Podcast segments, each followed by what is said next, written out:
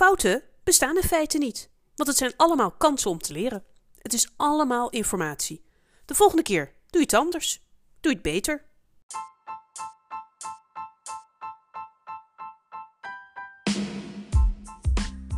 Welkom bij de Geluk of Je Leven podcast. De podcast voor professionals die de regie willen pakken over hun eigen werkgeluk.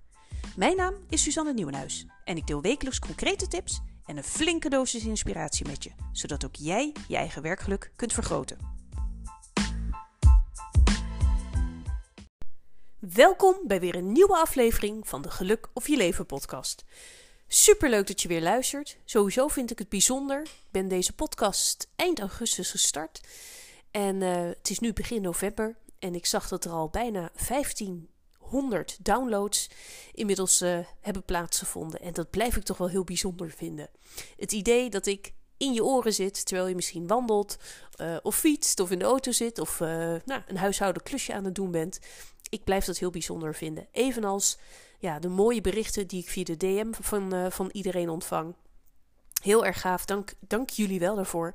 En ook natuurlijk het feit dat er al 44 5 sterren beoordelingen op Spotify zijn gegeven. Super gaaf. Dat helpt me ook om de podcast een groter bereik te geven. Dus als je enthousiast bent over de podcast en je hebt nog geen beoordeling gegeven, dan zou ik het onwijs waarderen als je dat alsnog even wilt doen. Op de drie puntjes klikken kun je dat doen. Um, en dan kun je daar de sterren uitdelen. Nou, dat gezegd hebbende, de eerste week zit erop waarin ik uh, een e-mail challenge heb gedaan. En als je de podcast van vorige week nog niet hebt geluisterd, dan is het misschien leuk om dat alsnog even te doen. Want ik was de challenge aangegaan om nog maar drie keer op een dag mijn mail te checken. Langzaam was namelijk de gewoonte er weer ingekropen om doorlopend, gedurende de dag, continu mijn e-mail te checken. En ik had mezelf voorgenomen dat dat wel eens moest afgelopen zijn. Dus uh, ik mocht nog maar drie keer op een dag de mail checken. En ook dus niet meer in de avond. Um, ja, en hoe heb ik dat ervaren?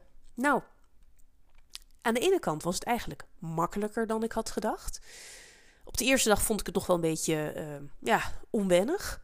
Maar ik merkte eigenlijk al heel vlot dat ik eigenlijk niks miste. Dus als ik dan mijn mail checkte na de lunch, uh, ja, dan had ik een hele waslijst aan mailtjes. Maar dan zat er eigenlijk niks bij wat ik, ja, waar ik op had moeten reageren voor die tijd. Dus dat was een, een inzicht wat ik op dag 1 al gelijk opdeed. Van ja, uh, prima, ik mis helemaal niks. Er loopt niks in het honderd. En het gaf me ook een hoop rust um, tussen de bedrijven door. En ik had ook het gevoel dat de e-mail sneller weggewerkt kon worden. Want als je al die mailtjes in één keer beantwoordt, kom je in een soort flow. Tjak, tjak, tjak, tjak, tjak. Uh, en dan had ik ook het gevoel dat het me minder tijd kostte. Was het altijd even makkelijk? Nee, want soms had ik bijvoorbeeld uh, informatie nodig. Dan was ik een offerte aan het maken. En dacht ik, oh ja, die informatie, dat zat in dat oude mailtje. Dus dan moest ik eigenlijk toch die mailbox openen om in zo'n bepaald mapje te kunnen. Uh, en dan nu voor de challenge, uh, dan probeerde ik maar even één oog dicht te knijpen, zodat ik niet de nieuw ingekomen mailtjes kon zien. Maar dan was dat eigenlijk best wel onhandig. Of vlak voor de start van de online sessie. Dan wil je toch altijd even je mail checken om te zien: heb ik een bericht van een deelnemer? Kunnen mensen er wel in komen? Soms krijg je nog zo'n berichtje van: ik kan de Zoom-link niet meer vinden of kan de Teams-link niet meer vinden. Dus dat was onhandig. Of zoals afgelopen donderdag moest ik een sessie geven op locatie in Gouda. Uh, en was er noodweer afgekondigd. Dus dan wil je toch de avond van tevoren nog even je mail checken van zit er een annulering in van een opdrachtgever. Dus nou ja, los van dat soort um, praktische onhandigheden is het me dus eigenlijk heel goed bevallen. En denk ik ook wel dat ik dit er dus voorlopig even zo in ga houden. En ik ben ook weer nieuwsgierig hoe het jullie is bevallen. Want ik zag op LinkedIn en op Instagram en in, de, in mijn DM uh, een heel aantal reacties van mensen die zeiden: Ja, ik doe met je mee. Ik ga ook zo'n e-mail challenge aan. Ik ga ook nog maar drie keer per dag mijn mail checken. Dus ik ben eigenlijk heel benieuwd hoe het jullie bevallen is. En als jullie daar nog leuke tips of ideeën uh, over hebben, laat me dat alsjeblieft weten. Want, uh, nou ja, wellicht over een paar maanden zijn misschien mijn oude gewoontes er weer ingekropen en wordt het tijd voor een nieuwe challenge. Dat gezegd hebbende, vandaag wil ik het over iets anders hebben. Want donderdag was ik dus op locatie. En ik gaf een training over werkgeluk en persoonlijk leiderschap aan een groep young professionals. En op een gegeven moment hadden we het over uh, nou, leiderschap, persoonlijk leiderschap en je mindset. En we kwamen te spreken over de zogenaamde fixed mindset en de growth mindset. Dat is een concept van een Amerikaanse psychologe, Carol Dweck. En ze zegt, ja, er is een verschil. Hè. Er zijn mensen die meer een growth mindset hebben. Die geloven dat je uh, je capaciteiten, je intelligentie, je talenten... dat je die kunt laten groeien. Dat je die kunt ontwikkelen. Door nou, uh, je, dingen te doen, te proberen, uh, door te leren. En mensen met zo'n mindset zien een uitdaging dus ook als nou, een kans om te groeien. Blijven vaak veerkrachtiger bij tegenslagen. Um, en ze zijn dus ook meer bereid om te experimenteren en te leren van fouten. En aan de andere kant heb je dus mensen met zo'n fixed mindset. En die geloven veel meer dat je capaciteiten, je intelligentie, je talenten, dat dat vaststaat. Dat dat in beton is gegoten. En voor hen is vaak uh, een uitdaging niet zozeer een kans om te groeien, maar is een kans om te falen. Dus uitdagingen worden dan ook iets vaker uit de weg gegaan. Men kan wat defensiever reageren op kritiek. Uh, want dat is inmiddels falen, afkeuring. Uh, ze zijn minder verkrachtig bij tegenslagen. En dat kan ze dus ook belemmeren in hun groei en ontwikkeling. Nou, nou was de vraag vanuit de groep van iemand die stak de hand op. Want ik vroeg wie is meer van team growth en wie is meer van team fixed mindset. En toen vroeg een persoon die zei: Ja, ik heb meer zo'n fixed mindset, maar um, kan dat nog veranderen? Nou, natuurlijk alleen al de vraag aan zich uh, toonde aan dat uh, die persoon zeker ook wel een kans heeft om een growth mindset te ontwikkelen. Immers, uh, die persoon geloofde dus ook dat die fixed mindset, of vroeg zich af of zo'n fixed mindset inderdaad gewoon te veranderen is. Dat zit misschien niet in beton gegoten. Nou, en dat klopt dus inderdaad ook. Het is mogelijk om je mindset te veranderen. En ik heb dat zelf ook aan de lijf ondervonden, want vroeger, toen ik nog een loondienst werkte, uh, had ik eigenlijk veel meer zo'n fixed mindset. Ik vond dingen veel vaker spannend. Ik vond het lastig om uh, feedback te krijgen. Ik vond feedback ook veel vaker kritiek. Um, en ik ging uitdagingen ook best wel vaak uit de weg. En toen ik eenmaal ondernemer werd, ja, misschien moest ik ook wel, maar toen heb ik veel meer die growth mindset ontwikkeld. Uh, ik vind dingen nu ook veel minder vaak spannend. En uh, ik zie het ook veel minder vaak als falen. En de vraag was: maar hoe doe je dat dan? En nou, tijdens die sessie en ook daarna heb ik daar nog even op lopen kouwen. Wat mij heel erg heeft geholpen zijn een aantal stappen, een aantal dingen die ik met je wil delen. En wellicht heb je er iets aan. Misschien herken je wel dat je af en toe wat meer zo'n fixed mindset hebt en zou je wat meer die growth mindset willen omarmen. En misschien zijn dit dan een aantal tips waar je iets aan hebt. Want uh, een eerste belangrijke misschien tip is om jezelf toestemming te geven om te experimenteren. Om gewoon lekker aan de slag te gaan en uit te gaan proberen. Dat had ik ook op het moment hè, toen ik ondernemer werd. Dan ga je een heel aantal dingen proberen. Je geeft bijvoorbeeld trainingen, geef je bij organisaties. Maar ik besloot dat het misschien ook een leuk idee was om uh, uh, trainingen te gaan geven met een open inschrijving. Dus dat mensen zich gewoon direct bij mij konden gaan aanmelden. Uh, ik besloot om dat het misschien een leuk idee was om een online community te starten. Um, ik, ik overwoog om een podcast te starten. Nou, en dan elke keer dan geef ik mezelf toestemming om het gewoon maar een tijdje te proberen. En als het niks wordt, prima, dan is het kennelijk niks voor mij. En zo merkte ik dus dat uh, die trainingen met die open inschrijving, dat ik dat heel veel gedoe vond. Uh, administratief heel veel gedoe. Uh, veel gedoe om nou, de juiste hoeveelheid mensen elke keer op dezelfde dag allemaal in zo'n groep te krijgen. Ik vond het eigenlijk heel erg onhandig. En ik merkte dat ik veel liever gewoon voor bedrijven trainingen verzorgde. De online community was voor mij ook geen succes. Had ik ook het gevoel dat ik er veel te veel aan moest trekken. De podcast daarentegen bleek ik heel erg leuk te vinden. Bleek ook veel makkelijker dan ik had gedacht. Dus zo eigenlijk geef ik mezelf dan ook um, de ruimte om iets te proberen. En ook toestemming om te stoppen als ik iets niet meer wil of niet meer leuk vind. Dus die online community, ondanks dat er een hele groep mensen was die het echt heel tof vond, besloot ik er toch mee te stoppen. Die uh, trainingen en workshops met open inschrijving, daar besloot ik mee te stoppen. De podcast, daar besloot ik mee door te gaan. Dus dat is misschien zo'n eerste uh, stap jezelf ruimte gunnen om te experimenteren. En als je dan ook gaat experimenteren, maak het gewoon klein. Maak het laagdrempelig en zorg dat het ook niet zo'n enorme berg wordt, waardoor je er nooit aan begint. Dat is eigenlijk stap 1. Um, ehm, stap 2 of tip 2, hoe je het wil noemen, is denk ik ook dat je heel erg gaat kijken naar, als je iets gaat proberen, door heel erg te kijken naar ehm, wat al wel goed gaat. Eigenlijk met hele, dat noemen ze een waarderende bril, uh, te kijken naar zo'n experiment. Nou, als we bijvoorbeeld even die podcast erbij pakken, ehm, dan, dan was dat voor mij om te gaan kijken met een hele waarderende bril van, nou, wat, gaat er eigenlijk al goed? Nou, wauw, het is me gelukt om uh, een, een, een episode op te nemen met uh, de goede apparatuur. Het is me gelukt om een uh, zogenaamde jingle eraan te koppelen.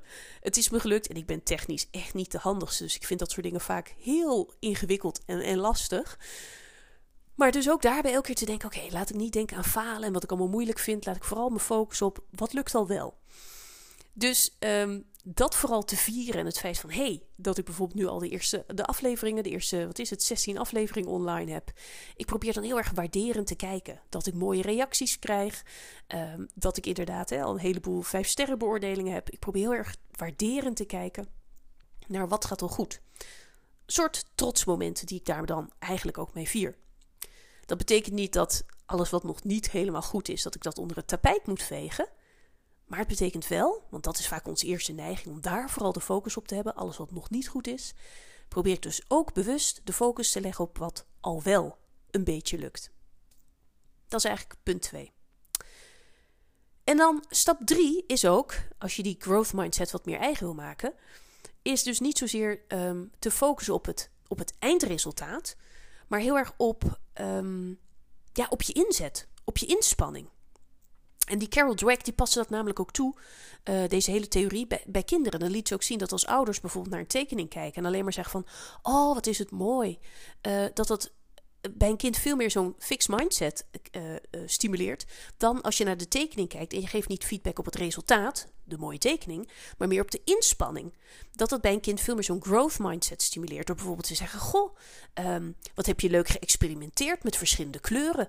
Uh, of wat heb je leuke verschillende vormen dit keer uitgeprobeerd? door veel meer te kijken naar de inspanning dan het resultaat. Nou, dat geldt hierbij dus eigenlijk ook.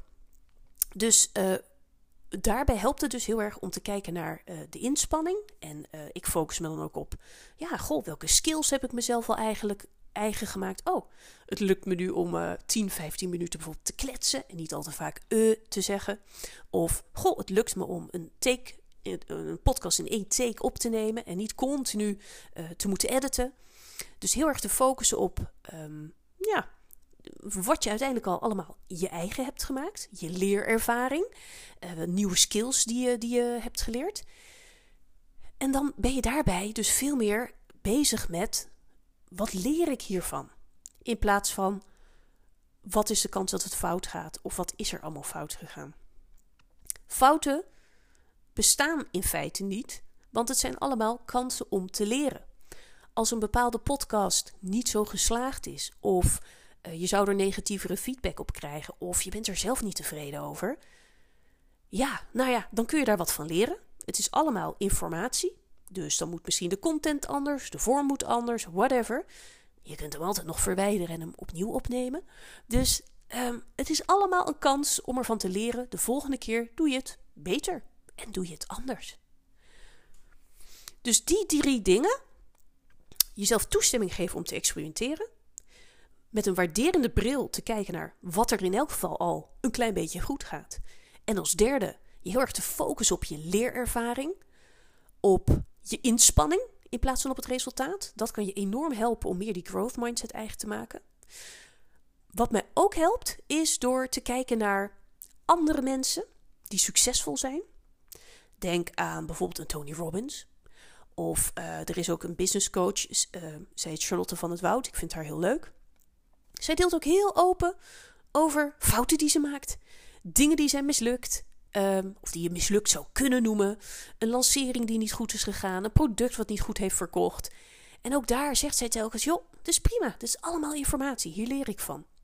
Nou, door naar dat soort succesvolle mensen te kijken, die, um, uh, die het heel goed doen en die dus kennelijk bij wie het ook niet allemaal perfect gaat, en die ook iets proberen als experiment en daarna dus kennelijk bijsturen en het verbeteren, ja, dat vind ik heel inspirerend. Maar dat geeft mij ook die toestemming om te proberen en dus misschien af en toe een fout te maken. En daarbij helpt het ook, denk ik, als je omringt met uh, like-minded people. Met mensen die eigenlijk ook meer een groeimindset hebt.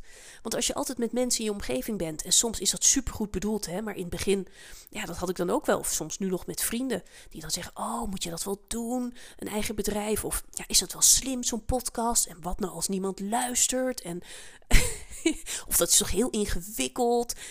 ja, nou ja, dan denk je op een gegeven moment misschien ook wel, ja, dat is ook wel ingewikkeld. Of uh, ja, moet ik misschien ook maar niet doen. Dus ik probeer me ook veel meer bewust te omringen met mensen die uh, zo'n growth mindset hebben.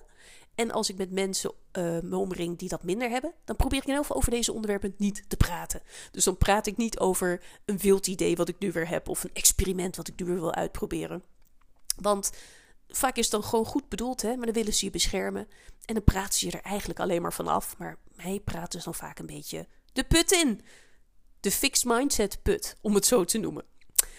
Dus uh, dat is ook wel uh, misschien iets waar je iets mee kunt hè, als vierde. Door te kijken naar succesvolle mensen en hoe zij met tussen aanhalingstekens fouten omgaan. En als vijfde dan denk ik, door je te omringen met like-minded people en mensen met een growth mindset. En misschien tot slot als laatste, nummer 6, nog wel een stukje zelfcompassie te uh, omarmen. Het is zo belangrijk dat je lief bent voor jezelf, vooral als je een fout maakt. En uh, dat je erbij stilstaat van, hé, hey, dat hoort er nou eenmaal bij. Het zegt ook helemaal niks over mezelf. Als ik uh, in mijn ondernemerschap iets fout doe of iets is niet succesvol, dan zegt dat niks over mij. Dat is iets in mijn bedrijf. Prima. En dat maakt het ook makkelijker eigenlijk om te blijven experimenteren, om te blijven leren en om te blijven groeien. Nou, ik hoop dat deze zes punten iets uh, bij jou in beweging brengen. Dat je er iets aan hebt. Misschien uh, resoneert het ene punt wat meer dan het andere. Ik ben ook heel nieuwsgierig of jij voor jouw gevoel een growth mindset hebt, ja of nee. Dus laat me dat eens weten via de DM. Vind ik superleuk. Mocht je zelf nog een goede tip hebben, laat het me weten. En anders ehm, hoor je me weer heel graag in een volgende aflevering. Dankjewel voor het luisteren.